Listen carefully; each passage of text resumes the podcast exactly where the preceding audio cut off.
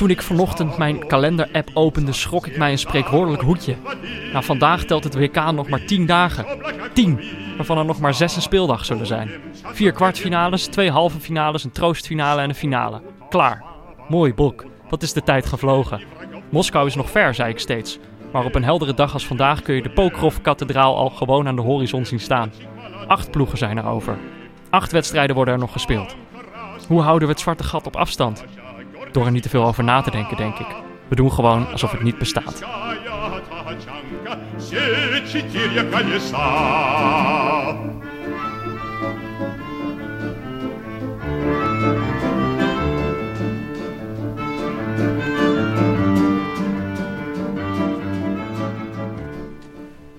Ja, Jordi. Zitten we weer. Zitten we weer. Rustig. Ja, tweede rustig.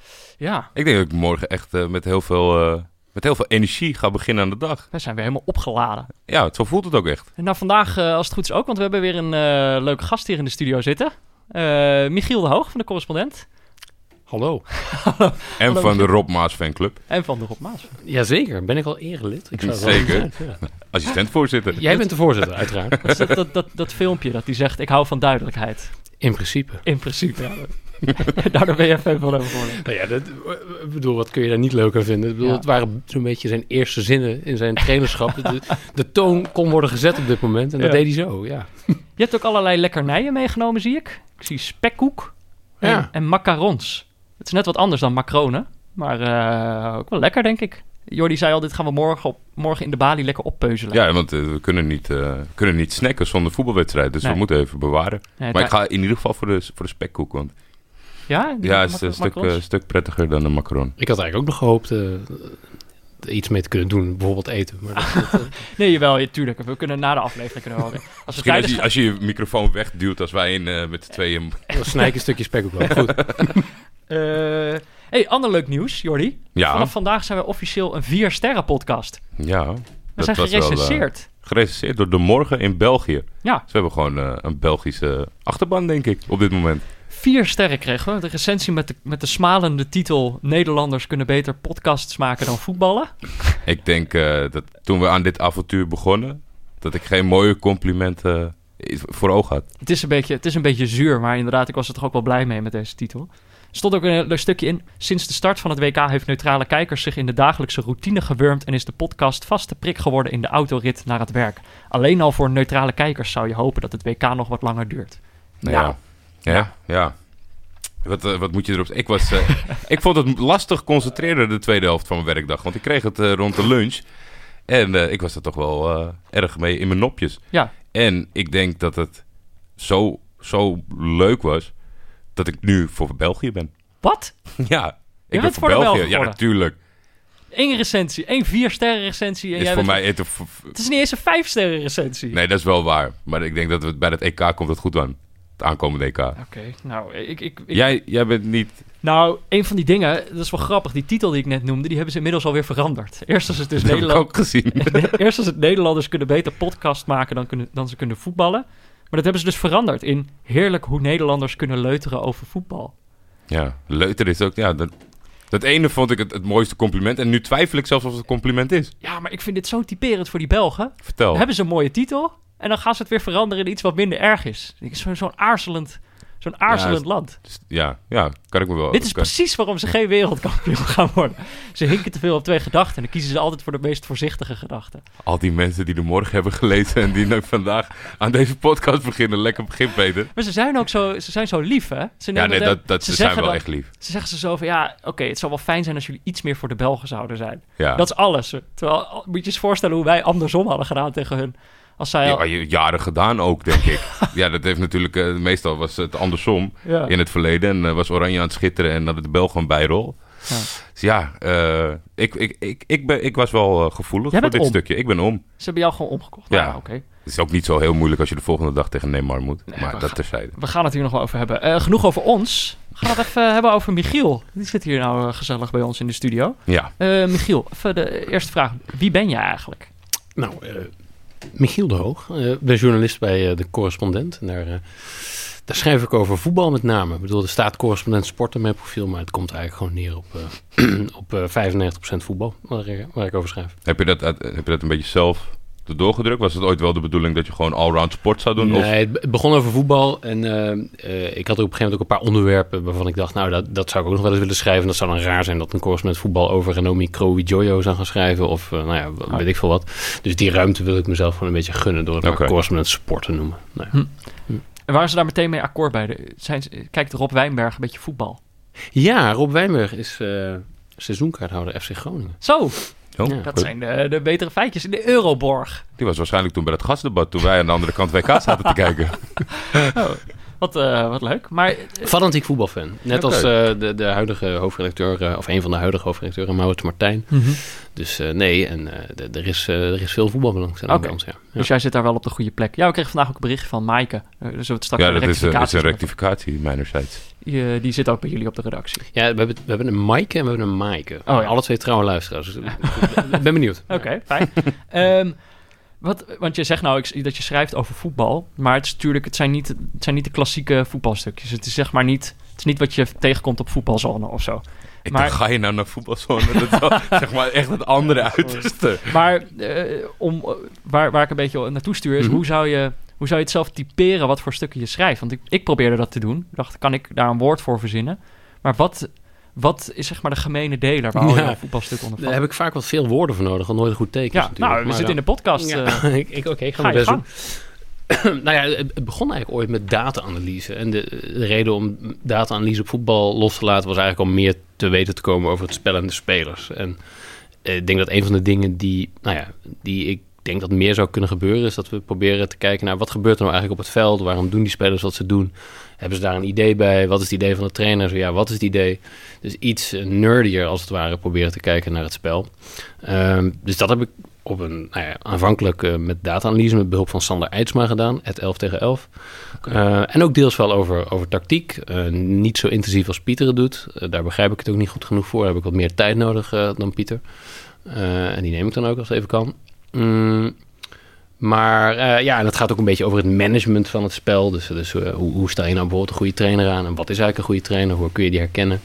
Eh, dus ja, weet je, een beetje trefwoorden, data, wetenschap, management. Maar Sorry. ik denk, eh, gemene deler is misschien ook wel dat je een beetje zo aan het, aan het front probeert te kijken. Dus waar, naar juist plekken waar er vernieuwd wordt, toch? Ja, inderdaad. Nee, klopt. Ja, ja, nee, Ja. Dat, is, dat is ook goed om te benoemen. Dus ik probeer eigenlijk ook vaak te zoeken naar inspirerende voorbeelden. Ik bedoel, dat klinkt dan een beetje eh, zijig, maar inderdaad wel mensen die voorop lopen en, en nieuwe dingen aan het doen zijn. En eh, nou ja, een beetje proberen te verkennen wat de randjes zijn van het voetbal en hoe je het beter zou kunnen spelen. Ja. Ik vind het dan altijd wel grappig dat dat, dat, eh, dat, dat redelijk uniek is. Terwijl dit zijn echt gewoon goede vragen om iets eh, te, te willen of kunnen begrijpen. Ja. En eigenlijk dat elke voetbaljournalist dat gewoon passeert en al begint met de constatering.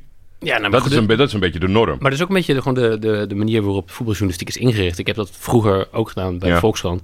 Ja, je gaat gewoon naar een wedstrijd en dan schrijf je een verslag van. En dan eh, een dag of twee later of één dag later schrijf je een column. En eh, dan is er misschien nog een nabrandertje. En eh, dan is het alweer voorbeschouwen naar de volgende wedstrijd. Ja. Voorstukje, voorverhaal. En, en, en dan is weer het wedstrijdverslag. Dat is een beetje parodie, maar dat is wel zo'n bekende cyclus. Waardoor je ook niet echt toekomt aan het stellen van andere vragen. Ja, goed, het is ook een kwestie van wil. Maar ik denk dat het wel een beetje zo in elkaar steekt. Verder staat de voetbalwereld natuurlijk ook niet echt, echt bekend als een heel progressieve wereld. Eh, het is eerder een, een conservatieve wereld, zou ik willen zeggen. Ja, Eh, dat vind ik- Regels veranderen bijna nooit. Eh, ook- oh, maar ook de mensen die erover schrijven eh, zijn ook niet, staan ook niet altijd open voor zeg maar, de nieuwe ontwikkelingen. Die willen toch gewoon graag vasthouden aan een romantisch beeld van voetbal. Maar hoe, sta, hoe zie jij dat? Ja, dat. Of, of, of juist wel heel serieus verslag doen vanaf, vanaf het moment. Ja, Maar dan eigenlijk, omdat je er zo dicht bovenop zit, het niet zo heel goed kunnen begrijpen. Ik bedoel, het is heel moeilijk om, eh, om daar even op in te gaan. Om, om op, de, op de perstribune te zitten met een deadline eh, eh, eh, die aan de horizon doemt van, van over een paar uur. En dan een coherent verhaaltje te schrijven over datgene wat zich net voor je Ja. neus heeft voltrokken. Dat is gewoon Die- ontzettend moeilijk. Ja. Dus ik denk dat je dat ook misschien niet zou moeten willen. Eh, of in ieder geval niet allemaal. Ik bedoel, je kunt net zo goed... nee, anders dan was jij ook overbodig geweest. Ik heb wel eens vernomen dat, dat die deadline tegenwoordig eh, op, een, op een Europese avond... dat je die niet eens haalt als het verlengen wordt bijvoorbeeld. Ja, dat, nou je, ja, dat je het al dat je gewoon ja, het maar moet eh, God zegene dat het goed gaat met wat ik tot nu toe heb gezien. Ja, en, en alvast wat op papier zetten en dan nog snel aan het einde de conclusie veranderen als de uitslag net Ja, dat er nog een doelpunt Dat is valt. natuurlijk stress. Ja, ik, ja goed. Nou, ik ben blij dat ik het niet hoef te doen. Ik heb het wel een keer een paar keer moeten doen en dat vond ik echt verschrikkelijk moeilijk. En, eh, en echt zinloos ook. Hè? Dus eh, een van de eerste keren dat ik dat heb gedaan was, ehm, herinner ik me nog goed, eh Feyenoord Heerenveen, ik denk 2005. Eh, Klaas van Huntelaar kreeg rood, dat was zo leuk. En, en ik was daarheen gestuurd. Ik vond het hartstikke leuk dat ik mocht doen. Maar ik dacht ook van, ja, maar hoezo mag ik eigenlijk voor de grote Volkskrant een wedstrijdverslag schrijven? Want ik snap eigenlijk niet zo heel veel van voetbal. Want ja, ik bedoel, ja, en het is ingewikkeld zo'n wedstrijd en, en waarom dan maar wat. En, maar goed, dat, dat was ken ik geen probleem. Ik, ik kon gewoon met een leuk verhaal thuiskomen. En ik, eh, trok toen Huntelaar nog aan zijn jasje en die zei toen, dat herinner ik me ook nog, van... eh, want hij had iemand in zijn kruis geschopt, geloof ik. eh, Pascal Bosgaard. En toen zei hij van... nou, het was zo irritant, die gast. De volgende keer zou ik het gewoon nog een keer doen, zeg maar. Oh, ja. En eh, nou, dat was dan een geweldige quote. Ja. Maar ik vond het allemaal stressvol, snel en, en zinloos ook. Ik dacht van, wat heb ik nou de mensen te vertellen over deze wedstrijd? Echt niet zo heel veel. Ik weet het gewoon niet. Ja, dus, dus daar ook mede daardoor ben je meer gaan kijken naar, naar achtergrondverhalen of verdiepende verhalen of naar vernieuwende, meer verhalen van afstand, zeg maar. Dan dat je heel dicht op de ontwikkeling zit. Ja, zoiets. Ja, Ja. ja. niet, de- niet, dus niet heel snel verslag willen doen. Niet per se erbij willen zijn. Ik, ik, ik vind het ook niet heel cool of zo om met eh, eh, spelers om te gaan of, of, of, die in levende lijven te ontmoeten. Het kan wel leuk zijn als ze aardig zijn en wat te vertellen hebben, maar in principe niet om wat ze zijn. Dat, eh, dat, dat, dat, dat vind ik gewoon niet zo heel boeiend. Nee. Wat terwijl je, je, je- jouw- jouw meest recente stuk gaat over Sepp Blatter. Vond je dat niet wel een beetje cool? Want je hebt hem gesproken, Ik toch? vond, ik vond het heel raar. Ik vond het een beetje. Ik werd er ook wel redelijk nerveus van, toch? Ja? Ja, dat is Sepp Blatter. Dat is toch een beetje een eh, levende karikatuur, of zeg je Ja. het? Een, eh, ja. ja. Nou, dat klopt wel. Ja, Ja, dat het, is, ik het is een icoon, maar wel op een heel grappig... Het, is, Ja. het is wel iemand die dan, zeg maar, als je ophangt, dat niemand ernaar vraagt, maar dat je zegt, ze blad net aan de lijn. Ja. Weet je, het is wel, het is wel een, goede, een, goede, een goede bluff is dat. Denk Ja, ik. dat, Maar, maar waar, waar- wat, wat voor vragen heb je hem gesteld? Wat was... Nou, ik, ik, ik, luister, ik ben een beetje bezig geweest met spelregelvernieuwing. Daar heb ik een experiment voor, eh, voor georganiseerd samen met mijn eh, eh, vrienden van, ehm, eh, van, van Voetbla, van de Avantgarde Cup. Ja. Eh, in Lisse en, en laatst ook weer die wedstrijd in, ehm, in, eh, bij Excelsior. Gewoon om te kijken hoe je het voetbal qua regels zou kunnen vernieuwen. Ja, dus ik zeg altijd maar even bij, voor mij hoeft het niet per se nieuw, maar ik ben wel benieuwd wat er gebeurt als je het verandert. En Oh, er zijn ja. gewoon een paar dingen die, eh, die, eh, nou, die zijn irritant en die kunnen misschien wel beter. En dan moet je dan mee gaan experimenteren. Maar vanuit ook eh, die gedachte ben ik gaan duiken in, in, in, of duiken, heb ik een beetje geprobeerd te verdiepen in de geschiedenis van de spelregelvernieuwing. En wat ik zo interessant vond, is dat die de enige grote spelregelwijziging recent was van 1992. Dat de keeper de bal niet meer aan de hand op kon Ja. nemen als hij een terugspelbal kreeg. Ik bedoel, Ja. ik was toen heel jong toen dat gebeurde, eh 13. Maar ik herinner me nog wel hoe saai het soms kon zijn. Zo oud als ik nu ben. Nou ja, there you go. en, eh, Maar en hoe saai dat toen kon zijn voor die tijd. Maar goed, Ook zonder enige chaîne, als je dat soort beelden ziet, dat er gewoon echt op, op een huppeldrafje en dat dan denk ik, oké, hier heb je de keeper en dan pakt hij hem op en dan Ja. zo een beetje om zich heen te kijken. nou ja, daar moet je met het resultaatvoetbal van vandaag niet aan denken dat dat mag. Dat dat mo- nog zou mogen, nee. ja. Nee, ik denk dat dat heel veel optimaler zou worden uitgenut. Ik bedoel, het enige wat ploegen volgens mij, en dat, dat heb ik me nog afgevraagd, ik, ik ga er nog wel iets over door, van wa- waarom... Hè, dus Michael Cox in zijn boek The Mixer, die stelt daar de vraag van... Hoe is het eigenlijk mogelijk dat ploegen die destijds op voorsprong kwamen ooit nog een wedstrijd verloren? Want je kon in principe In gewoon... principe kon je de hele tijd heen en weer. Ja, en, Ja. Eh, nou, het gêne waarschijnlijk. Omdat mensen gingen toen wel fluiten vanaf de tribunes. Van, Ja. van dat is negatief voetbal. Die discussie was toen ook heel scherp. En die, de voetbalbazen van die tijd liep- riepen daar ook best wel openlijk dingen over. Iets wat je nu ook niet echt meer kan voorstellen. Dat, eh, dat voorzitters van, van bonden gewoon klaagden over de kwaliteit van het spel. Maar dat werd hardop gedaan. Van, het is helemaal niet goed wat we aan het verkopen zijn hier. Maar 1992, dat was Sepp Ja. Blatter die dat toen veranderd heeft. Ja, min of meer. Het is altijd een beetje lastig om precies de, de, de, eh, van zo lang geleden te achterhalen, ook bij gebrek aan fatsoenlijke archieven, wie wat precies wanneer en hoe heeft gedaan, om het dan even in te dekken. Maar hij was degene die het voortouw nam voor de commissie die moest kijken naar manieren om het spel te verbeteren. En hij heeft zich sterk gemaakt voor een, voor een experiment. Er was dan ook, kwam ik uiteindelijk te weten, een belangrijke rol voor een mij tot dan toe onbekende eh, eh, Zwitserse trainer, eh, Daniel. Daniel Jean Dupeu. En die heeft toen met de eerste analyseprogramma's die er ooit op de markt waren, zo'n beetje, heeft hij nou ja, becijferd van hoe vaak die keeper dan wel niet een balbezit was. En hoe erg dat balverlies dan wel niet was. Ik bedoel, Ja. dat wist iedereen wel. Maar hij had toen opeens cijfers. En nou, of die nou heel goed waren, die cijfers of niet, dat doet er even niet toe. Dat maakte enorme indruk. Ja. Zijn argumenten en zijn oplossingen voor het probleem, die werden dan eigenlijk ook telkens overgenomen in die maanden na dat proces. En Ja, het was toen eigenlijk best aan een kan en kruiken. En wat, wat ik er aardig vond om bij te vertellen is... eh, ehm, de, de KNVB die, die zet ook nog een klein beetje in op spelregelvernieuwing. Dat Ja. vinden ze wel interessant. En da- daar praat ik dan wel eens mee. En Je moet toch ergens in vernieuwen. we, Inderdaad, je moet iets doen. En, eh, dus kun je maar beter daar profileren. Ja. Eh, en die, die, die vragen dan wel eens aan, de, aan, de, aan de, de commissie die dat soort dingen regelt... van kunnen we een experiment doen? Maar dan is het antwoord bijna altijd nee. Je mag niet eens een experiment doen. ja. En, maar toen wel. Dus toen hebben ze destijds in 92 is er op basis van één experiment voor eh, spelers onder 17, dus echt puberale jongens eigenlijk, die hebben toen met die terugspeelregel geëxperimenteerd. Dat werd een succes. En op basis van dat ene experiment hebben ze die regel Ja. al veranderd. Nou ja, Wat goed. nu, Maar daar was hm. toen ook wel, dus wel echt wel druk vanuit de voetbalwereld. Zo van, je bent eigenlijk een, een lul als je die bal blijft oppakken. Zeker. Dus er was al wel een beetje druk om dat te gaan veranderen. Ja, de noodzaak was gewoon veel sterker Ja. dan die nu is. Want kijk, je kunt natuurlijk nu... eh, er zijn natuurlijk in de, in de achtste finale zijn er een paar saaie wedstrijden geweest, zou je kunnen zeggen. Ik bedoel, ik genoot wel van Colombia-Engeland Ja. bijvoorbeeld. Maar eh, eh, Niet door het voetbal. Nee, Ja. nee. de- meer door het praten van Ja. de spelers. Maar, eh, eh, maar in principe is het natuurlijk gewoon een onderhoudend spel. En eh, het is populairder dan ooit. Ja, bedoel, kijk, dan kun je wel zeggen dat het saai is. Maar er, er zijn heel veel mensen die er heel veel geld voor over hebben. eh, en die zeggen wat anders. ja Dus, precies. ja. En bij, bij eh, ik, ik moet zeggen, ook van inderdaad wedstrijden die je saai zou noemen. Eh, als je zo'n WK aan het volgen bent, dan is alles eigenlijk eh, op een gegeven moment wel interessant aan het worden. Ja, er zijn wel wedstrijden die natuurlijk wel echt heel erg zijn. Maar, Ja, eh, vooral in de eerste week ergens. Volgens mij hebben we het even heel zwaar gehad. Er waren er echt Ja, in, twee in, een- in een voetbaldagen. aantal, aan een aantal groepswedstrijden. Maar ik heb het, ik heb het meer met, met een WK. Ben je wat coulanter? Gedoog je wat meer? En vind je het allemaal wat leuker, denk ik? Want bij mij is het toch wel een groot probleem. Mensen zeggen altijd, ja, het gaat, toch- het gaat toch om het winnen. Maar zelfs bij de clubs die ik, waar ik supporter voor ben, wil ik vermaakt worden. Ja. En dat zou niet eens zo moeilijk moeten zijn, omdat ik bloedfanatiek op een bank zit. En alle kanten, weet je, je leeft het veel intensiever mee. Maar daar vind ik dat het, het resultaatvoetbal, zeg maar in clubverband op het moment wel... Ja, de balans is wel redelijk kwijt in het entertainmentgehalte. Ook in de grotere competities. Maar ik denk dat er op dit moment niet zoiets tastbaars is als in 92, waar, waarmee je met een kleine aanpassing... Nee, Heb je- of heb je daar al over nagedacht tijdens het schrijven van dit stuk? Voor hoe je, de, wat je, hoe je nu misschien zo'n is er eh, iets zoals die aanpassing zou keeper? kunnen doen. Ja. Wat zeg je? Is er iets zoals die keeper die de bal opraapt? Maar is er één eh, concreet ding wat, wat anders zou moeten? Wat Ja. ook niet te chockerend is voor alle bejaarden. Ja, die, nu eh, is er natuurlijk heel veel, heel, veel, heel veel ophef over mensen, spelers die op de grond rollen. En Ja. die daardoor tijd eh 14 eh, minuten. verliezen. Nou ja, dat is toch Nee, maar- boel. 14 minuten rollen? Tot nu toe dit toernooi. Ja, dat is echt waar. Effectief rollen? Of Nee, nee, nee. Effectieve roltijd. 14 Als je, minuten. als je alle, alle filmpjes op internet bij elkaar Oh, ja. plakt, wel. Maar nee, iemand heeft geklokt hoe, vaak, hoeveel, hoe lang die op de grond Zo, hebben. dat is lang. 14 minuten in vier wedstrijden, dat is echt bizar. Maar is daar iets concreet iets om dat op te lossen, denk je?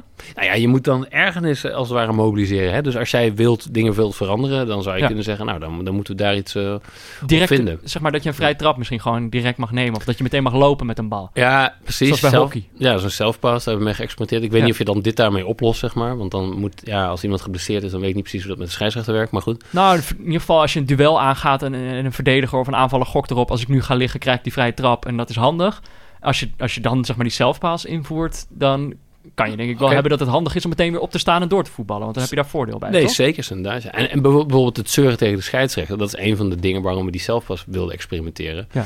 Kijk, als die bal meteen wordt genomen, heb je geen tijd meer. dan, nee, dan kun je maar beter niet gaan zeiken op de scheids. Want dan is de tegenstander weer naar het doel aan het opdrukken. Dus ehm, Nou, ik ben er benieuwd naar of het daardoor leuker wordt. Maar eh, even naar de belangrijkste, even naar de kern van de zaak. Eh, kijk, kijk je veel voetbal? Heb je veel WK gekeken? Eh, ja, zoveel als ik kan. Eh, dus ik heb jonge kinderen en dat is wel een, iets wat, wat het soms een beetje in de weg zit. Hoezo dan? Nou, ik ben wel eens om vier uur thuis gebleven voor, om, om dan even in alle rust te kunnen kijken. Ja. Ik kan dan, als ik op het werk kijk, dan ben ik weer te laat om ze op te halen van de opvang bijvoorbeeld. Maar goed, dan, eh, eh, dan kan ik in de eerste helft rustig kijken. Maar daarna moet ik ofwel kinderen halen of ze komen thuis en hebben die aandacht nodig. Eh, dat zijn met de vier uur wedstrijden aan de hand geweest. En met de acht uur wedstrijden, dan liggen ze net in bed. En dan is er toch ook altijd weer, weer iets nodig. Ja. Een deken die niet goed ligt. En, eh, nou ja, dus het is allemaal niet erg. Eh, dat, eh, eh, eh, maar Oh, is- ik, proef toch, ik proef toch wat... eh, ik proef wat het feit is wel dat ze natuurlijk Ze weinig- kijken in de weg zitten. ze houden weinig rekening met papa's WK. Ja. dat, dat proef ik. Maar hoe, eh, hoe, hoe kijk jij dan voetbal? Hoe ziet dat eruit? Eh, nou, dan zit ik op mijn bank en dan ehm, zet ik toch de NOS aan. Ik bedoel, Ik zeg even toch, omdat er eh, nogal veel wordt gezeurd, zeg maar. Maar ik zet gewoon het geluid uit. Ik, eh, Ja, dat wel. Ja, ik heb twee wedstrijden toevallig met commentaar gekeken. Eentje was ehm, Marokko-Portugal weet ik toevallig. Nou, dat was er ook wel eentje. Dat was er ook wel eentje, ja. Eh, maar ik, ja, ik zet het gewoon liever uit. Eh, Ja, omdat- heb je niet ook dat geluid van het publiek wel nodig? Nou, ik heb het een tijdje geleden... eh, ik heb me dat toch een beetje aangeleerd om te doen. Niet omdat ik nou per se heel analytisch zit te kijken... maar eh, je gaat je toch een beetje ergeren. en Je gaat eh ja, letten Pieter op Zwart zegt het ook altijd. Oh ja? Ja. Oké. Ja, Ja, kan ik me voorstellen. Ja, nee, want kijk, wat je vaak ziet is ook, commentatoren, die hebben dan van die ideeën soms, hè, Mhm. niet allemaal. Eh, ik wil even de goede niet te nagesproken. En, en het is ook hartstikke moeilijk om te doen, dat wil ik er ook even Ja. bij zeggen. Je moet 90 minuten vol lullen, doe het maar eens. Ja, improviserend ook nog eens. Oeh. Ja. Nou ja, je hebt wel iets voorbereid, maar vaak beginnen ze dan met van die verhaallijnen. En Ja. die, die willen ze dan graag vasthouden tot aan het einde. Ja, en de volgende dag zegt iedereen min of meer, hè, die je dan spreekt bij de koffieautomaat, van ja, ja, dat was dus en zo, hè, wat die commentator zei. En dan denk ik, nou nee, dat is helemaal niet zo. Maar hij hield eraan vast en jullie hoorden dat de hele tijd. Ja. Terwijl, volgens mij was het eigenlijk niet een beetje dus en zo. En, eh, Wij Het is, het het letterlijk. Ja. letterlijk wat, we, wat, wat het probleem is met sommige commentatoren. Dat inderdaad van dat, je niet meer, dat ze niet meer in de wedstrijd willen of kunnen schakelen. Dus zeg maar dat ze van tevoren hebben ingenomen van nou, eh, IJsland is fantastisch. ja. En Ja. dan, of het nou heel vervelend is of niet, dan blijf je dat benaderen. En dat is, ja, op zich vind ik dat het zeg maar de, de, de publieke opinie dat beïnvloedt. Maar heb ik niet zo heel, kom ik in ieder geval niet zo van tegen. Ik, ik werk Hm. in een bedrijf met volgens mij 20 mannen. En daar zijn er 19 die niet van voetbal houden. Dat is ook knap. Zo. Dus ik kom nooit bij de koffieapparaat om eh, te horen wat eh Frank Snoeps gisteren allemaal vertelde. Ja. Maar heb je wat anders? Want dat is een beetje, volgens mij ben ik dat vorige keer te ver- vergeten te vragen aan Pieter. Heb je wat anders opstaan? Of ik, soms maak ik wel eens een grapje dat er een slechte commentator is van, goh, laat die lijn uitvallen. Maar het gebeurt wel eens bij Fox Sport, dat de commentator wegvalt, 10 minuten. Dus ik toch een beetje gek in mijn woonkamer. Ja, is een raar gewaarwording, toch? Je bent Zit je gewend- echt stil of, of doe je, staat er muziek op? Of Nee, ik is wel stil. echt stil? Ja, Jeetje. te kijken. Doodstil. Maar het lukt niet altijd. Ik heb natuurlijk een laptop vaak bij de hand. Ja. En Twitter is natuurlijk geen enige afleiding als de bal even uit het spel is. Ja, En, precies. eh, nee, zeker. En nee, ehm, snacken? Snack je ook wel? Ja, zeker. Ja, ik probeer dat dus eh, te matigen. Ik Oh, word ja. ook een dagje ouder en ik probeer mijn conditie een beetje bij te houden. Maar laatst was, eh, ging Engeland-Colombia, werd, ver- eh, ver- werd, werd verlengingen. En eh, nou, toen hebben mijn vrouw en ik toch maar de chips en de wijn er weer bijgepakt. Ja. Dus dat was, eh, Lekker. Wat voor chips? Het waren, het waren naturel ribbelchips. Oké. Dat is ook al Pieter. Avontuurlijker dan Pieter, maar toch wel allebei geluid uit en allebei exact. naturel. Pieter had ook naturel ribbel. Ribbel? Nou, dat was wat hij bij ons zei aan tafel. Chips zonder ribbels, Woon- dat is niks. Ik bedoel, Nee. Wonen jullie samen? Komt hier de avond? We zitten gewoon samen met een zakje chips zitten zo voetbal te kijken. Eh, gezellig. Mijn huis is wat opgeruimder dan Pieter. Ik denk niet dat ik het daar heel lang zou houden. Oké, oké. Eh, hey, maar ik zag wel even, eh, nu we het over het WK hebben. Ik zat zo te, te- al jouw stukken nog eens terug te kijken wat je allemaal hebt geschreven. En jij, je hebt op een gegeven moment een stuk geschreven met de kop dat je hoopte dat Duitsland wereldkampioen zou worden. Zeker. Die, die, die, die, die hoop is niet, zeg maar, Duitsland heeft daar niet heel goed naar geluisterd. eh, heeft jou niet echt. eh, wat was de kern van dat stuk? Waarom hoopte je dat? Nou, ik heb de afgelopen jaren veel over Duitse voetbal geschreven. Omdat daar denk ik een aantal interessante ontwikkelingen eh, eh, zijn, eh, zich hebben voorgedaan. Dus in het trainersvak, maar ook in het, eh, in het tactisch gebied hele interessante dingen. Is de Bundesliga denk ik leidend in geweest. En ik heb ook al nou ja, wat langer contact met mensen die rond de, rondom de nationale ploeg werken. Dat kwam omdat ik al wat, nou ja, een paar jaar geleden, of nee, eh, wat is het? Tien jaar geleden probeerde ik een beetje eh, in de videoanalyse en data-analyse in te raken. En dan werkte een van die kerels die later bij de nationale ploeg terecht kwam. Die werkte toen voor zo'n videoanalysebedrijf eh, Amisco. En nou, die, ken ik al van langer, maar die kreeg opeens die mooie, mooie, mooie banen. En die gingen prachtige dingen doen. Die kregen allemaal tijd en ruimte om, om een mooi systeem rondom de ploeg op te zetten. Om, om de tegenstanders te analyseren. Om het eigen spel te verbeteren aan de hand van, ehm, van videofragmenten. En de, de- er hadden gewoon twee lui in dienst die eigenlijk de hele wereld over aan het reizen zijn. Op zoek naar slimme voetbalideeën die Ja. ze kunnen gebruiken. Maar de dat is voor jou genoeg. Dat is voor jou genoeg om voor een ploeg te zijn. Nou, ik, ik hou er wel van. Als je, kijk, ik heb natuurlijk ook eh, vast wel op een bepaalde manier emotionele banden met, eh, met, met ploegen. Maar ik vind het wel gaaf als een ploeg een plan heeft. Ja. Ja. En als ik het plan een beetje ken, of als, als, als het land voor een bepaald idee staat, dan heb ik daar gewoon wat meer eh, binding mee. Inderdaad, ja. Heeft het, heeft het helemaal niks te maken met een, met een stukje om. Ja, het, het slaat nergens op, maar dat het dan iets zou legitimeren van wat je probeert duidelijk te maken met je stukken. Eh, op het moment dat het succesvol is, want ze staan natuurlijk op de banken op het moment. Om af te schieten op het moment dat ze uitgeschakeld zijn. Eh, nee, nou ja, dat, eh, het is natuurlijk fijn als, eh, als, als de praktijk de theorie staaft, zeg Ja, maar. Dat ja. is zeker waar, maar dat, dat- ik vind dat niet belangrijk. Die Nee. ideeën dus over hè, dat een trainer niet per se een ex-prof hoeft te zijn... maar dat je dus ook gewoon jonge gasten die, nou ja, zeg maar Pieter Zwarts... maar dan in een trainingsjas als het ware, dat je die ook voor de groep kunt zetten... en dat die succesvol kunnen zijn. Eh, ja, dat vind ik gewoon een mooi idee. En dat blijft waar. Ook al wordt Duitsland nu uitgeschakeld op basis van drie wedstrijdjes Ja. met, eh, met wat ongeluk. Dus, Maar eh, wat zijn dan andere ploegen? Want ik bedoel, Duitsland heeft het dus niet, eh, niet, niet kunnen bewerkstelligen. Maar er waren ook wel andere ploegen met een plan. Is daar een andere ploeg bij wie je gaandeweg het toernooi dacht... oh, die verdienen eigenlijk mijn, mijn eh, liefde ook wel? Oeh, jeetje, dat is een goede vraag zeg. Eh, nou, van tevoren had ik IJsland hoog zitten. Daar werd natuurlijk uiteindelijk wat meer op afgegeven. Hè. Dus van, van, toen, Ja, we, hier toen, we, niet, toen, we, toen we duidelijkheid hadden over het feit dat er 334.000 mensen in Reykjavik... of dat is het in IJsland wonen, toen iedereen daar eh, Ja. klaar mee was... toen kwam iedereen tot de conclusie dat ze toch wel heel erg saai voetballen. Dat is waar, maar ja, wat, ze kunnen niet zoveel anders. Nee. Datzelfde geldt een beetje voor Zweden. Dat is natuurlijk ook niet om aan te zien, maar ja... Wel een plan. Met een plan, ja, ik, ik waardeer dat wel. Kijk, waarom zou je ook, als je mindere voetballers hebt, opeens eh, lekker gaan aanvallen? Lekker, lekker Ja. open achterin zijn en zo? Nee, dan... eh, dan Nou, het is wel ik, ik, leuker. ik ben benieuwd dus hoe dat op de lange Ja. termijn werkt. Dus, eh, stel, het, het, het valt helemaal goed en Zweden wordt wereldkampioen. Is dan het spel, heeft dat dan niet zoveel, zo, zo'n lange nasleep op de herinnering in negatief voetbal, dat het dan een soort van geen prijs meer wordt? Ja, grappig. Eh, hoe ge- geen prijs meer worden? Nou ja, oh, dat- dat, dat dat, het dan iedereen over- denkt van, ah, jullie spelen zo lelijk. ja, maar een beetje, wat, volgens mij had ik van de week het voorbeeld aan als Griekenland. Want het is bij iedereen, oh ja, Griekenland. Weet je, dat heeft zo'n bij, bij geen enkele andere titel zegt iemand van, eh, oh ja, Brazilië of zo. Nee. Eh, Door de manier waarop het behaald is, denk ik dat Griekenland voor altijd, Brazilië speelt natuurlijk ook niet altijd heel mooi. nee, Eh, verre nee. van zelfs. Ja, precies. Eh, nee, dat, dat zou kunnen, maar daar hebben de Zweden natuurlijk scheid aan. Ik bedoel, je hebt Ja. gewoon maar één manier om dat toernooi te winnen. En als ze er toch zijn, dan kun je het maar beter proberen, toch? Ja. Ja, ik, waarom zou je geen underdog-tactiek spelen? Ik vind dat altijd Ja. goedkope kritiek en niet, niet heel boeiend, eerlijk gezegd. Maar Kijk, Frankrijk vind ik bijvoorbeeld eigenlijk een schitterende ploeg hebben. Alleen een beetje jammer dat ze er niet naar spelen. Dus, Ja. eh, dus ik hoop eerlijk gezegd dat dat misschien nog verandert. En dan zou ik daar wel voor kunnen zijn. Maar ik heb, ik heb bij geen enkele ploeg nu meer een, eh, een bijzonder gevoel. Dus ik vond, het, eh, ik vond het erg jammer De dat dode spelmomenten van Engeland Ja, hebben daar wel nou, in geïnvesteerd. Dat vind ik leuk, maar dan ga ik niet echt om zo. Nee, oké. Ja, ja. Maar het is, toch nog heel even dan over Mhm. het plan.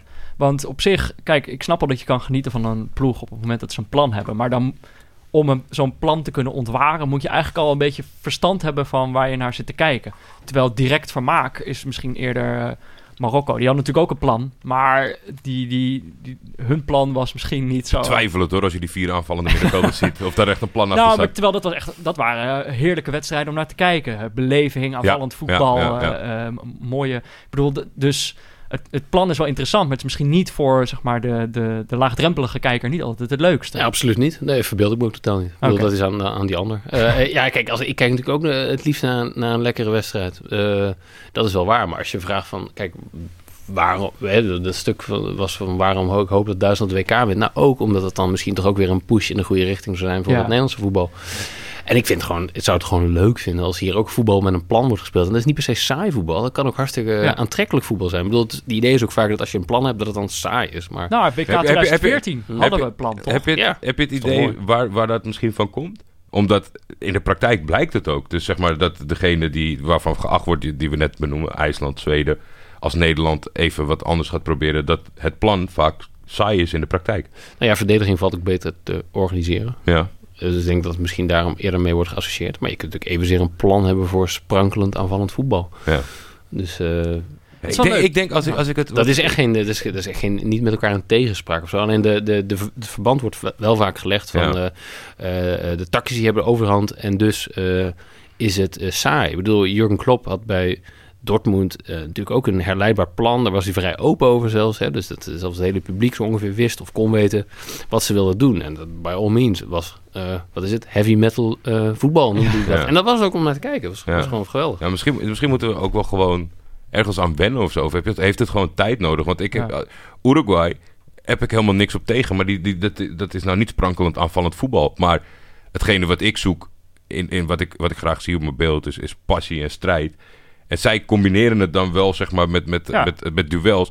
En ja, als je de, de Uruguayanen naast de Zweden en de, de IJslanders staat... Misschien is dat wel het verschil waardoor dat andere dan wat saaier overkomt. Ja, Cavani ziet er natuurlijk ook te gek uit. Ja, bedoel, we ja, eh, ja, dat is, al- ja, is misschien al een stuk prettiger dan te kijken dan de Ja. de zon. Ja. Eh, maar ik denk dat het, zou- het heeft misschien ook te maken met nieuwsgierigheid. Maar daar willen we het straks nog even met jou over hebben. Eerst moeten wij natuurlijk nog wat recti- dingen rectificeren. Ja, het lijkt wel twee A4'tjes of zo. Wat hebben we gedaan? Nou ja, nee, eentje is eigenlijk een rectificatie heb ik buiten deze aflevering gedaan. Vorige keer dat ik, eh, dat ik op de radio kwam, eh, ben ik natuurlijk vergeten de naam van deze podcast te noemen. En jou vergeten te noemen. Dat heb ik gerectificeerd. Ja, ik, hou, was, ik hou Google in de gaten. Er zijn nog steeds mensen die dagelijks kijken op goede vriend Peter Buurman Turks. Dat waren de steekwoorden die je had Oh, gegeven. ja. Nee, ik heb het gehoord hoor. Hartstikke leuk bij de Nieuwsbv. Ja, ik was, ik was daar even en toen eh, had ik me natuurlijk voorgenomen van... eh, ik ga Jordi sowieso noemen. Ze moeten de naam van de podcast even noemen. Dus dat is allemaal gelukt, dat was wel leuk. Eh, ik was daar om even te praten over poeltjes en hoe het is om bovenaan te staan. Was wel leuk. Eh, ander dingetje, dat, ging over... Ik heb me natuurlijk op zitten winden over eh, Jeroen Gruter. Die niet... eh, die, die, Heb je goed gedaan. De mensen waren lovend over je. ja, Ze dachten dat ik bij de blauwhelmen zat. Maar eh, ja, dat...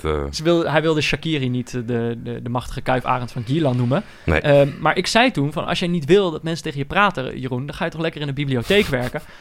Toen werd ik op Twitter aangesproken door een bibliotheekmedewerker. Die zei, mensen lullen daar serieus de hele dag tegen je aan. Eh, René stuurde dat naar me. Die werkte dus zelf in een bibliotheek en die zei dat was misschien niet het beste voorbeeld. Dus bij deze, dat is rechtgezet. Daar lullen mensen dus wel tegen je aan. Dus Heb je een nieuw voorbeeld van de... Nee, ja, had ik even moeten doen. Maar daar moet ik misschien even over nadenken. Eh, nog een ander voorbeeld eh, van een rectificatie. Ook niet echt een rectificatie, maar... Ik had het toen... Ik heb het steeds over dat ik een bericht kreeg uit Duitsland... van iemand die daar op een pleintje Duitse voetbal stond te kijken... en dat ik toen opeens heimwee kreeg, kreeg naar toernooien... waarin Nederland zelf dan meedeed... en waarin wij ook op het pleintje konden gaan Ja. staan. Eh, ik had eerst gezegd dat het in Berlijn was. Dat was niet zo. Het was in Bayreuth, een eh, Duits plaatsje. Eh, en het bericht kreeg ik van Melle van den Berg. Dat is een, een, een vriend en collega van mij bij de, bij de Speld. Maar hij zei tegen mij, waarom noem je mij niet gewoon vriend van de show? Wat moet ik doen om een keer vriend van de show te worden? Ik heb het twee keer over dat ding gehad. Dus bij deze, Melle van den Berg. je Maar mensen zijn dus tegenwoordig liever een vriend van de show dan een vriend van jou. Dat vind ik wel op zich eh, bijzonder. Het is een mooie titel. Melle van den Berg, bij deze ben je vriend van de show. Duitser van de show. Duitser van de show. Ja, hij komt nee, weer hij- terug naar Amsterdam. Hij Oh, woont nee, in... ja, hij Vriend komt- van de show. Vriend van de show. Eh, nog een ander ding, dat is Michiel, een collega van jou. Die, die wilde ook iets gerectificeerd zien. Maar dat ging eigenlijk vooral over Ja, jou. die, ging, die ging heel, dat ging heel ver terug. Ik, ik, maar ik vond het een beetje een slordige, slordige rectificatie. Want het stond, heeft iets gezegd als. Dus we weten het niet zeker. Ik heb het zelf Ja, niet Je opgezocht. bent niet letterlijk geci- geciteerd. Niet letterlijk geciteerd, maar het, het was in de geest van Rusland, Saudi-Arabië is als Sparta en VV, maar dan gezellig. Ja. Ja, volgens mij zit jouw collega Maaike eh, heel veel op de tribune bij het kasteel. Ja, Mike is vervent eh Spartaan. Ja. Ja, ja, ja nou, dat is dus waarschijnlijk een vergelijkbare ervaring als eh, Saudi-Arabië supporter, dacht ik. maar zij zei dat het eh, hartstikke gezellig is eh, Ja. op het kasteel. En we waren uitgenodigd om, een, om volgend seizoen een keer te kijken of Nou, het echt we- waar is. Laten we een keer meegaan met Maaike. Me Doen wel we. leuk. Eh, laatste ding, dat gaat over de, de reclame van Kiks. Ik zeg dan steeds eh, eh, dat je je makkelijk en snel inschrijft voor een training of toernooi bij jou in de buurt. Daar kreeg ik vandaag wat reacties op van mensen. Je bent zo'n Randstad, jongen. Je denkt dat daar buiten niks is. Amsterdam en Utrecht zitten, zit Kiks, tot nu toe. Ja. En dit waren mensen, volgens mij uit het, uit het oosten van het land, Nijmegen ergens. Die zeiden, ja, dat is helemaal niet in de buurt. Dat klopt natuurlijk. eh, maar weet je, Kiks is net begonnen. Ik wil dan toch even in, in, de, in de bres springen voor ze. Ze Ja. zijn ook toevallig natuurlijk mensen die ons betalen. Eh, dus dan wil ik ze toch even verdedigen. Ehm, ze zijn net begonnen. Ze hebben de ambitie om uit te breiden. Daar hebben wij aan geholpen. Dat En- gaat ook wel gebeuren, denk ik. Ja, en, en zo gek is het nou ook weer niet dat je, dat je begint in de twee grootste steden en waar het grootste deel van je doelgroep zit. Ja. Dus eh, ik snap dat het eh, lullig klinkt. Kijk, ik ben natuurlijk ook opgegroeid in Brabant. En dan was het ook altijd stom om op eh, televisie te zien dat ze zeiden... de schoolvakanties zijn begonnen. En dat ik dan nog dacht van ja, maar ik moet gewoon nog twee weken naar school. Precies. Ja, dus eh, ik, ik snap hoe dat voelt. Maar dit vond ik niet helemaal... Ik bedoel, deze, ze zijn net begonnen. Ja. Gun ze wat tijd. Ze komen echt wel ook naar Nijmegen, denk ik, op den duur. Ja, dat denk ik ook. Dat is wel de bedoeling. Over Kiks gesproken. eh, denk je nou, ik woon in Amsterdam en Utrecht. en ik heb zin om op deze rustdag even lekker te voetballen. Schrijf je dan makkelijk en snel in voor een training of toernooi bij jou in de buurt. Ik eh, sta hier in Amsterdam-West. eh, bij eh, de voetbalvelden van VV Spartaan. Er zijn hier wat teams aan het warmdraaien. En ik sta naast Mark. Mark, jij bent een van de organ- organisatoren van dit toernooi. Klopt dat? Ja, dat klopt. Ik ben eh, momenteel afstudeerstage aan het volgen bij Kiks. En eh, ik organiseer onder andere dit toernooi inderdaad. Wat leuk. Een, eh een wat is dat precies? Ja, naast de Kiks trainingen die we aanbieden, bieden we nu ook toernooi aan. Dus eh 6 tegen 6 voetbal. En eh er is altijd een relaxe sfeer. Mensen kunnen zichzelf gewoon inschrijven met een... Hier kan je maten bijvoorbeeld optrommelen en dan kun je lekker een potje gaan voetballen in de avond. Dat is ook lekker, toch? En eh, ik zag jou net, je haalde uit je tas al wat prijsjes tevoorschijn. Ja, dat klopt. We doen niet aan een teamprijs eigenlijk. We doen eigenlijk aan allemaal individuele prijzen. Oh. Het eh, winnende team, de spelers daarvan krijgen allemaal individuele prijs. En de topscorer van het toernooi eh, krijgt een nog mooie prijs. Wauw. Nou, geweldig. We gaan, eh, we gaan kijken hoe ze het gaan doen vanavond. Ja, ik ben ook benieuwd. Het is voor mij mijn tweede toernooi nu, dus we gaan het zien. Hartstikke leuk. Dankjewel, Mark. Kijk op kiksvoetbal.nl slash neutrale kijkers voor meer informatie. En probeer het gratis uit.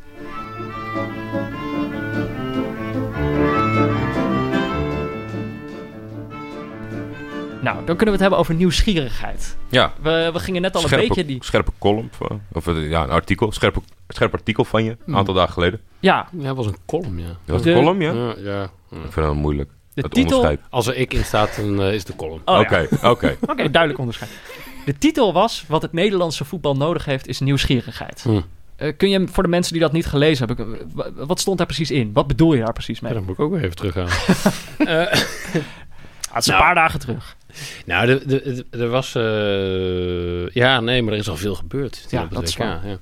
Ehm, het, op het moment dat eh, volgens mij Duitsland... Ja, precies. De eerste wedstrijd... eh, of nee, ze stonden achter tegen... Zweden. Tegen Zweden inderdaad, ja. En toen, toen, toen, toen tweette Ronald de Boer iets. Maar ook al toen ze hadden verloren van Mexico... toen waren er, waren er wat zurige reacties te komen van... nou, we worden al vier jaar lang verteld door deze en gene... dat, eh, dat we zo goed op de Duitsers moesten letten. Maar ja, kijk, ze verliezen nu van Mexico. Of, Ja. eh, en wat zijn die huipruimen? Of wat, is de, wat is gegenpressing dan eigenlijk waard... als we, nou ja, een be- beetje iets van die strekking, Ja. zeg maar... van als de Duitsers niet eens van, van dit of dat kunnen winnen... of... eh, Ze waren vier jaar geleden nog wereldkampioen, maar, maar met deze paar verliespotjes kon, eh, kon dat hele plan dat de prullenbak in. Dat ja, is ze, inderdaad, allemaal toernooien achter elkaar de halve finale gehaald. En dus, maar ja, nee, voilà, kijk hier, ze kunnen er helemaal niks van. Ja. Eh, en datzelfde gold natuurlijk ook een beetje voor Argentinië, waar eh vorige Sao Pauli. De coach is. En Ja. nou ja, de al eerder genoemde Pieter Zwart, eh, die, die had natuurlijk daar veel over geschreven een paar jaar geleden. En Ja. ik vind het gewoon interessant wat Sao Pauli deed. Eh, hij verklaarde hem niet heilig of zo, maar eh, ja, Nee, dat is een soort eens. voorbeeld van dit, Ja. dit kan ook. Kijk eens wat ze daar doen in Chili. Ja. En eh, kijk eens wat voor succes dat heeft. En hey, by the way, dat lijkt trouwens eigenlijk best wel veel op de Hollandse school.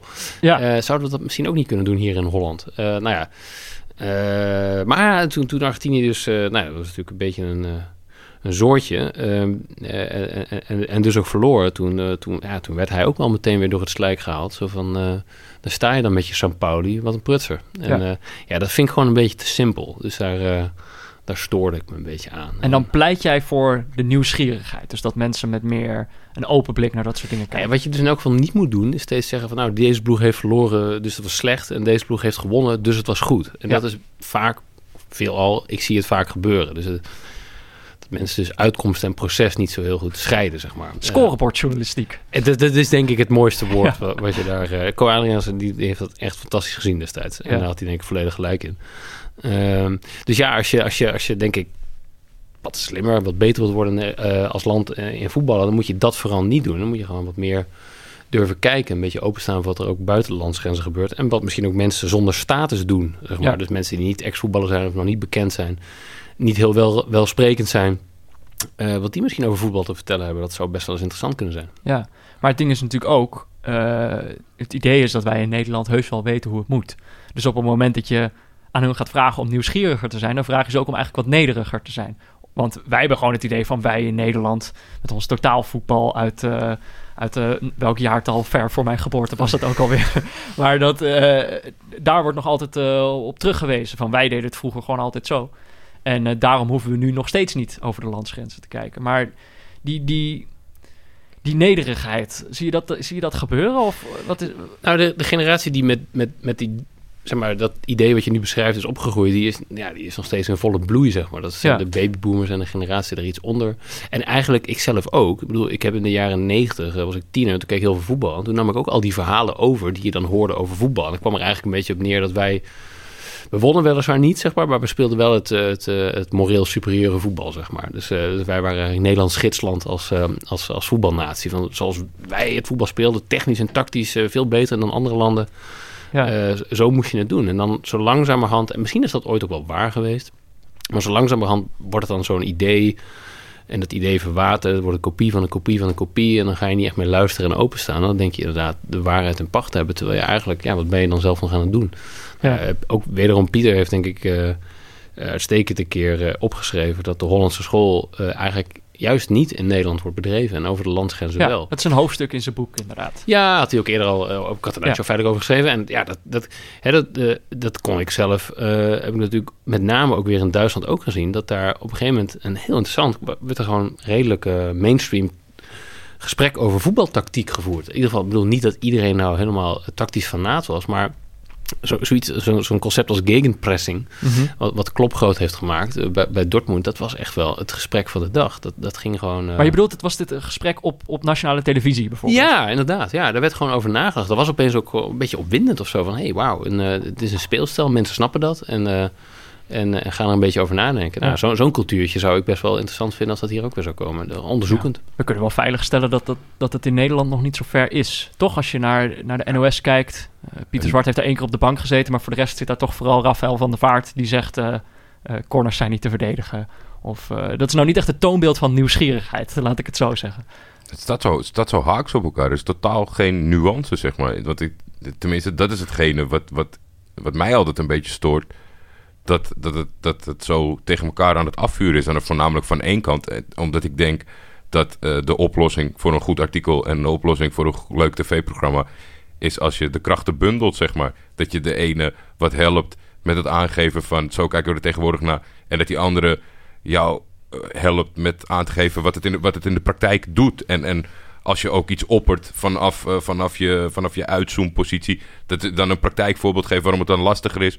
of niet haalbaar is wat je voor ogen hebt. Ja, Dat, dat is volgens mij hetgeen wat, wat veel mensen willen zien... maar wat, wat onmogelijk wordt gemaakt. ja het een hoeft het ander natuurlijk niet per se uit te sluiten. Maar maar ik- we hadden het net, we hadden het net over, want dat, dat, dat, dat snap ik helemaal niet aan de zaak. We hebben het net over dat voetbal is populairder dan ooit. Er zit meer geld in dan ooit. Het is, het is een gigantisch, gigantische hoek waar je je centjes kan verdienen.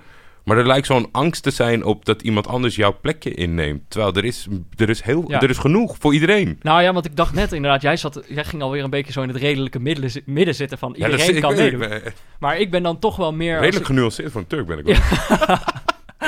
maar als ik dan bijvoorbeeld kijk wat er allemaal over Pieter wordt geschreven en gezegd... Ja, maar dat vind ik nog het storende. Want eigenlijk moet je deze zin zeggen... het is nooit een man en paard noemen.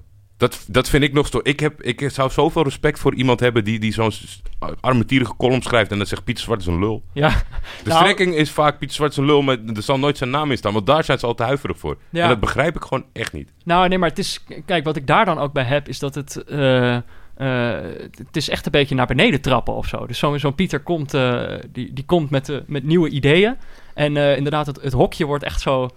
Wordt, eh, wordt verdedigd en de poorten worden gesloten. Mhm, En, eh, mhm. en er wordt eh, van alles over, over Pieter geschreven. Niet alleen over Sampaoli, maar ook over zijn tv-optreden. Dan zijn er ook weer mensen die daar wat over moeten zeggen. Ehm, ik heb dan toch het idee zo van... Ja, daar, daar moest ik dus aan denken bij die nieuwsgierigheid. Van kom op, weet je wel. Sta er op zijn minst een beetje open voor. Want ze gaan het debat niet eens aan. Vandaag had Sjoerd Massou eh, een stuk geschreven... waarin dan ook weer Pieter Zwart wordt beschreven... als iemand waar, waar, waar geen grapje mee te va- maken valt.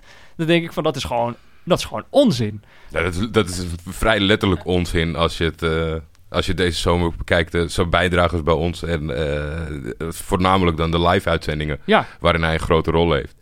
Dat, ja, het slaat gewoon nergens op. Om, Nee. daar, om hem daarvan te betichten, je kan, je kan je, zoek het eens op de inhoud. Ja, nou, en hij, hij staat daar volgens mij ook helemaal open voor. En dat is volgens mij ook wat in zijn boek ook staat. Hij wil dat debat op de inhoud voeren. Ja, Doe dat dan ook. Ja. Maar ja, dan is daar is wel denk ik een soort nederigheid voor nodig. Omdat inderdaad juist romantici het idee hebben dat, eh, dat, dat Pieter hun, hun baantje komt afpakken of zo. Of, of je hele avond verzieken.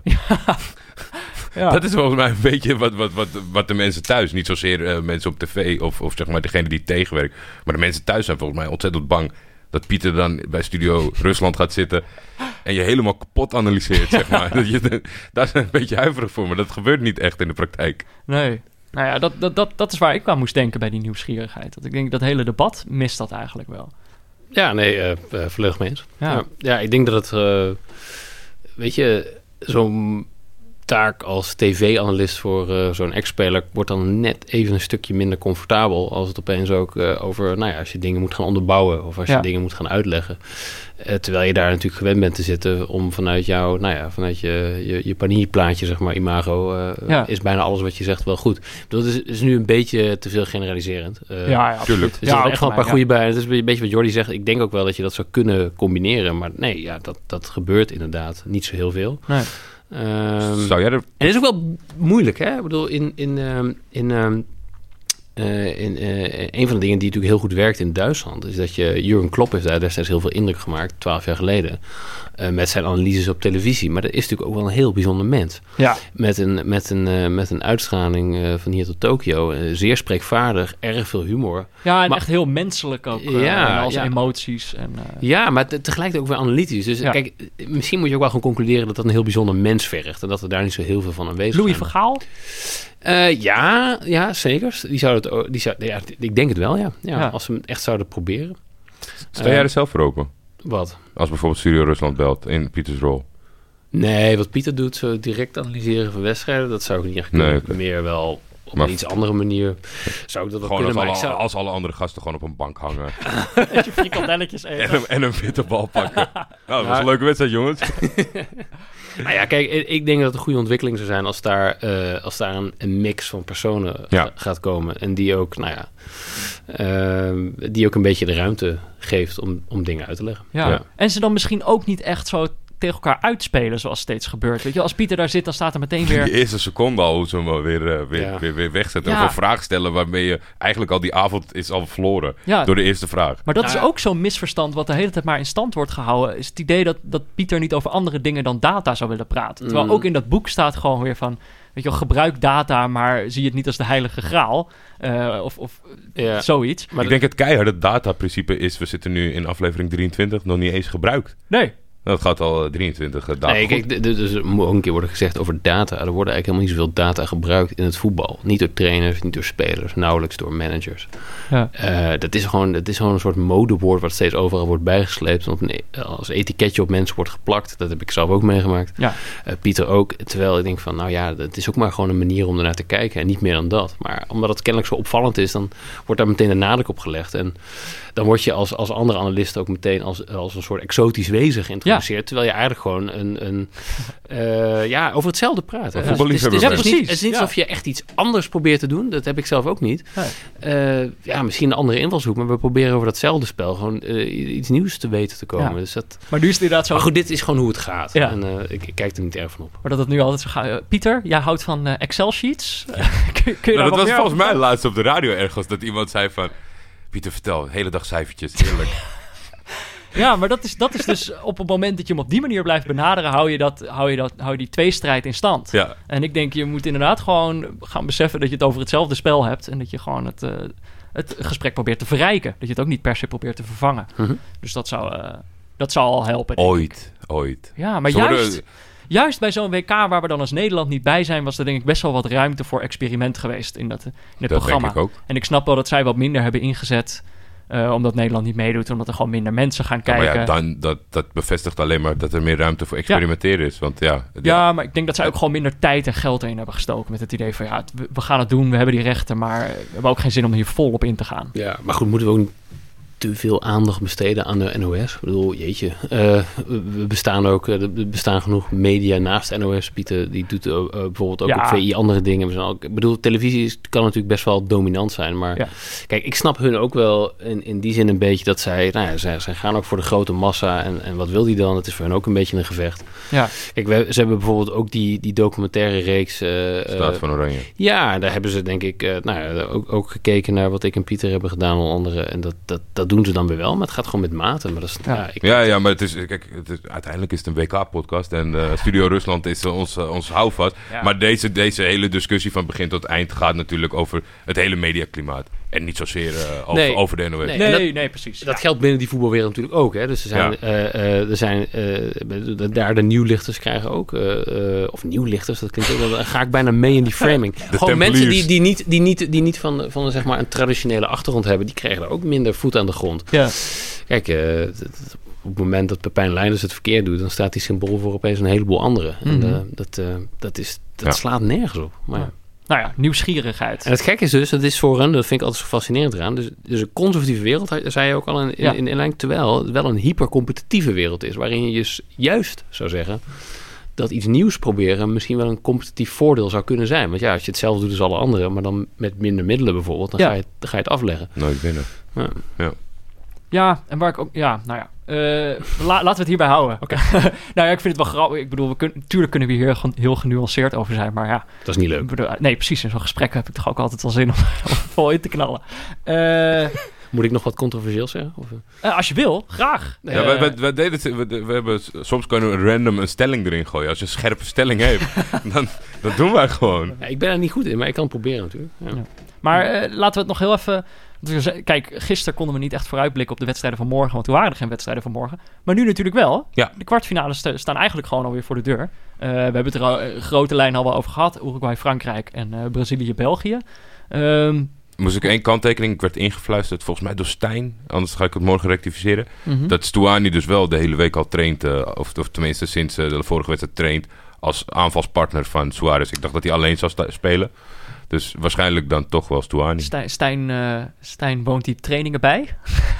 ik, volgens mij volgt hij het op de voet. Oké. Nou, en hij had allemaal andere inside informatie. Ik zei, als je over twee jaar niks te doen hebt en we mogen een EK-podcast maken, dan ben je welkom als Oh. redactielid. Wat leuk. Wat leuk. Maar eh, kijk jij uit naar Brazilië, België, Michiel? Nou, die wel, want ehm, dan zit ik eh, s'avonds alleen thuis. Oh. Ja, want mijn, eh, ik moet zaterdag eh, moet ik ergens heen voor werk.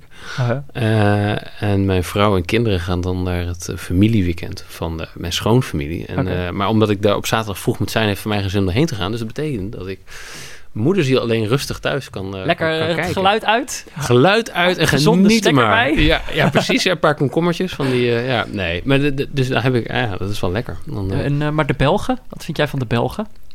Ben je, ben je ook bang voor ze, net als ik? Ja, ik, ik, ik snap jou wel waar je vandaan Ja. komt. Van, eh, god, ze zullen toch niet meteen eh, de eerste keer ver komen en dan ook meteen wereldkampioen worden. Ik bedoel, Ja. dat, dan begrijpen ze dat niet, de Belgen. Dat je eerst moet je een paar keer de finale verliezen voordat je dan. Ja, je moet eigenlijk eerst een heel aantal nationale trauma's hebben voordat je... eh, Ja, je kunt niet in één ik moet keer. wel- nee, ik, ik- Oké, maar de vervanger hiervan is, wat natuurlijk een beetje over deze generatie heen eh, hangt. Ze zijn natuurlijk wel een paar keer keihard gefaald. Dus dan is het niet de, de finale verliezen en uiteindelijk een keer winnen. Nee. Maar zij hebben toch wel de gouden generatie die, maar steeds, die het maar steeds niet lukt. Mhm. Ik, Nou ben, ja. ik ben benieuwd hoe ze herinnerd zullen worden als het nu wel lukt. Volgens mij wordt dat hele traject daarvoor wordt vergeten. Tuurlijk. Ja, dat ze dan uitgeschakeld waren door Zweden. Ja. dan vergeten. Of bijna door Japan. Dat is eigenlijk nu alweer vergeten. Mhm. Nee, nee, nee. Ik denk zelfs de vorige eindtoernooien. Want daar Ja. lag altijd de nadruk op. eh, Ja, maar toen waren ze nog echt te jong, denk ik. Jawel? Ja, nou ja, dat weet je nooit Dit- normaal. Maar goed, het, is- kijk, het is een WK, weet je. Het is gewoon verschrikkelijk moeilijk om te Mhm. winnen. Heel veel afhankelijk van toeval. Dus daar kijk ik niet echt, eh, niet, niet echt van op dat het toen misschien een paar keer niet is gelukt. Maar en misschien was de coaching ook wel niet optimaal, je weet het niet. Oh, zeker. Ja, maar, eh, maar goed, ze hebben nu wel een verstandige man daar zitten. Dus dat, eh, Maar tegen het Dat boek, boekhoudersvoetbal van eh, Brazilië. Accountantsbureau Chietje. ja. ja, die hebben het wel, ja... Ja, veel last om te zeggen, maar ze zullen, zullen het lastig krijgen. Ik bedoel, eh, eh, eh, volgens mij, als ik het eh, goed heb gezien, zijn zij eh, in de omschakeling wat kwetsbaar. En de, de Brazilianen zijn natuurlijk, eh, Ja. Eh, die, die zijn snel en sterk. En ehm, ik denk dat die wel daar raad mee weten. Aan de andere kant, ja, dat weten die Belgen natuurlijk ook wel weer. Ja, je is En, een eh, goede coach. Dus het lijkt mij dat hij eh, een aanpassing maakt op Brazilië. Ja, dat zou je Dat wel kan bijna ja. niet Hij zal niet zo... Kijk, het is natuurlijk niet zo dat hij... eh, zoals bij zijn clubteam, zeg maar... dan probeert hij misschien een lijn door te zetten... van bepaald offensief voetbal. Maar dit is toernooivoetbal, dat is anders. Dat weet Ja. hij ook wel. Dus eh, ik heb daar wel echt veel zin in. Ik bedoel, het is wel echt een van de Ja. mooiere eh, affiches... moet ik dan geloof ik zeggen... van, eh van het toernooi tot nu toe. Ja. Ja, nee, dit kan een hele leuke worden. Wat zijn dan spelers eigenlijk bij dit soort ploegen waar jij... Waar hou jij dan van? Hou, je dan, hou jij van, zoals Pieter Zwart ooit zei over Spanje... van je moet lekker naar Busquets kijken? Of ben je toch iemand die zegt eh, lekker Neymar kijken? Coutinho is een beter voorbeeld, denk ik. Nou ja, maar Neymar is meer het andere uiterste, snap je? Ja, ja, oké, oké. Nee, nee, je bedoelt van, van, van, van slimme efficiëntie versus eh extrovertheid Ja. of zo. Of, eh. Ja, omdat je natuurlijk over ploegen ben je fan van het plan. Maar Nee, ook wel. Kijk, ook, ik, ik, hou, ik snap Busquets is natuurlijk wel voor de, voor de, voor de, voor de voetbalanalytici is dat natuurlijk de, zeg maar, de, Ja. de, de voorbeeldspeler van iemand die niet spectaculair lijkt en, eh, en, en zelfs soms heel weinig lijkt te doen. Maar nou, ja, hij maakt schijnbewegingen met zijn ogen. Dat, dat soort dingen. Kijk, daar ga je al. Ja. Ja, ik hou daar ook wel van. Ik heb een tijdje geleden een stukje geschreven over Stefan de Vrij. Dat is ook zo'n speler die weinig spectaculair verdedigt, maar heel erg bezig is met zijn waar sta ik nou eigenlijk en, eh, en waarom en, en, en wie coach ik en hoe kunnen we daar met z'n allen beter worden zonder dat het meteen voor hem opvalt. Vind ik wel mooi, eh, maar dat weet ik natuurlijk niet van al die andere spelers. Ik bedoel, daar- Nee. daarvoor zou je die wedstrijden echt vaker moeten gaan kijken om een beetje te weten wat voor rol iemand invult en daar waardering voor te hebben. Goed, nu omweg terugkomen naar je vraag. ja, Neymar vind ik, het is natuurlijk schitterend. Ik bedoel, laten we, daar kun je natuurlijk lang of kort over praten, maar die, Ja. die kan iets wat, wat, wat, wat er niet zoveel anderen wel kunnen. En, of niet kunnen. Die kan iets wat heel veel anderen niet kunnen. En dat maakt hem gewoon tot een hele bijzondere, Ja. bijzondere speler. Nou, en Dus, eh, eigenlijk- en spectaculair. Ik, Ja. eh, Neymar is een beetje toch de, de doorlopende, het doorlopende verhaal van de... Doorrollende verhaal. doorrollen voor mij de afgelopen weken. Maar dat ik eigenlijk in dat hele zakelijke Brazilië... Hij, je kunt hem natuurlijk niet typeren als een zakelijke speler. Hij ging op een gegeven moment, deed hij ook zo, eh, hoe noem je dat? Een rainbow flick of zo. Dat hij zo die bal over een speler en doet op een moment waar het ook niet nodig is. Maar hij, als je het dan over de samba hebt, toch een beetje het Braziliaanse cliché... wat op deze ploeg niet van toepassing is. Ja. Hij heeft het wel. Het leuke is altijd in zo'n discussie dan, dan krijg je weer van, eh, dus dan, dan vinden we saai betonvoetbal, zeg maar, alle Zweden en, eh, en, en IJsland vinden we shit. En dan hebben we zo'n speler die opeens spectaculaire dingen gaat doen, dan is Ja. het een, eh, een, een showboat, zeg maar. Of hoe zeg je dat? Eh, eh, dan dan, dan Ja, stelt dat- hij zich aan, als het ware. Dus het is, het is, Ja. het is soms, het is, het is eigenlijk nooit goed Ja. in de ogen. We willen dat spelers creatief zijn, maar ze mogen geen fouten maken of zo. Ze, Ja. mogen, niet, eh, of, ze mogen ook niet inderdaad... Niet te dramatisch Ja, zijn. niet Nee. naast zijn schoenen gaan lopen, moet je ook niet willen. Nee. Nee. Nee. Nee, ik denk ja, eh, misschien dit toernooi is het Charisma een goed voorbeeld van wat, wat dan gedoogd wordt. Dat is iemand die alles met zijn buitenkant goed doet. en niet, niet zozeer soms nog wel eens een, een, een gekke overtreding maakt, maar niet, niet ook een, een salto en een flikvlak erbij gooit. En dat over het algemeen is dat natuurlijk wel de jongens die kritiek krijgen, de Cristiano Ronaldo's, de Neymars, is dat dan wel zeg maar dat je bij het creatieve en het leuke dat gratis erbij krijgt. Dat ze Ja. de hele tijd huilend je huiskamer in kijken. Nou, bij Quaresma hielp natuurlijk ook dat hij die ene bal wel maakte. Ja, dat ja, enige. ja. Als dat niet was, want hij was natuurlijk weer die vorige wedstrijd, staat hij weer aan het einde. Oh boy. Eh, Ja, ja, ja. ja. ja. ja, maar ja, Neymar hij- heeft zo'n bal nog niet gemaakt. Eh, Nee. die moet nog. Die Nee. heeft alleen eh, een intikker en een 2-nulletje gemaakt. Ja. Waarbij, eh, Was ook een intikker. ja, twee klopt. intikkers gemaakt. Er staat ook een heel mooi goaltje bij, overigens. Toen eh, Ja. eh, heel slim tactisch gedaan. Wat is het, die vorige wedstrijd? Die speelde, trok Gabriel Jesus een, eh, een gaatje en daar dook Paulinho in. En die, eh, dat was echt een heel mooi Ja. opzetje. Het is, Ja, het is sowieso wel echt een eh, mooie ploeg. Ik, ja, en ik hoop dus persoonlijk wel dat ze, dat ze, dat ze België eronder krijgen. Dat Doe zou voor mij een hele... normaal, joh. Doe even normaal. Zometeen is dat ding morgen niet meer te vinden. en ik heb al screenshots gemaakt, maar het is toch leuker als je een linkje kan sturen naar mensen. Nee, kom op, hup België. Ik zit met de pralines klaar. Zullen we eh, toch, toch even voorspellen deze wedstrijd? Dat is ik, goed. Ik ben dan gewoon weer volledig op hoop aan het voorspellen. Dan denk ik 2 eentje voor eh, Brazilië. Wat denk jij? Mm, Zo goed als Duitsland gaat ze niet voor de dag komen. 1-7 wordt het niet. Eh 2-3. Ik hoop, Zo. ik hoop en, eh, dat het in de, in de verlenging beslist wordt, die derde goal. Ik, ik hoop eigenlijk dat we een beetje qua intensiteit een soort wedstrijd krijgen als Brazilië-Nederland 98. Spektakelstuk. Ja. Dat was wel een hele fijn. Ja, dat, Zo'n potje zou fijn zijn. Oké. En jij Michiel? Ja, zoiets hoop ik ook wel op. Zoiets verwacht ik ook wel eigenlijk. Ja. Het wordt niet heel saai. De Belgen kunnen volgens mij niet saai. Dus dat, dat, dat gaat hem niet worden. Maar even, je bent de man van de cijfertjes. Enorm, ja. Eh, Doe eens twee random dingen uit dat Excel-ding wat open staat. Mijn formule zegt... Ja. Eh, eh, nou, eh, eh, we hebben veel Belgische luisteraars, toch? Of niet? Ja. Ja, is- na vandaag wel. Ik ben, ik ben hard bezig om ze weg te jagen, maar eh, ze zijn er Ik hou ze. Nou, 3-2 België dan. Ja. Oké, ook. Oké. Eh, Dit is niet mensen die nu denken: oh, ik ga ook mijn voorspelling insturen. Eh, we zitten Dat mag morgen, niet. Dat mag niet. We zitten, morgen zitten we in de Bali. Eh, hebben we weer een live opname. En dan laten we live mensen in de zaal eh, voorspellen. Eh, het is uitverkocht, dus helaas, ja, als je nog wil komen, het kan niet. Maar, je kan wel in de gang, dat, dat, dat, dat, die twee banken met een Ja, tv'tje. Dan ben je er een soort van bij, niet echt Misschien kun je dan stiekem naar binnen sneaken als, Ja. eh, als, als de balie even Als kijkt. Anne van Dag en Nacht Media niet deurbeleid voert.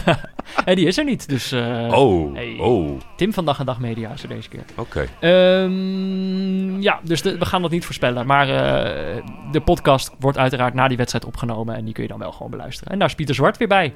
Gezellig. Hopelijk, eh, kunnen we die wedstrijd lekker gaan analyseren. Gezellige Pieter. Ik Gaan had we heel veel mee te lachen. met die jongen. Vind ik echt een leuke jongen. Nou, eh, Weet dank- je wie ook leuk was? Ja. Michiel de Hoog. Michiel de Hoog, dankjewel dat je hier wilde zijn. Ja, wat leuk. Dank voor de uitnodiging. Ja, eh, nou dan was dit eh, Neutrale Kijkers. De derde rustdag alweer.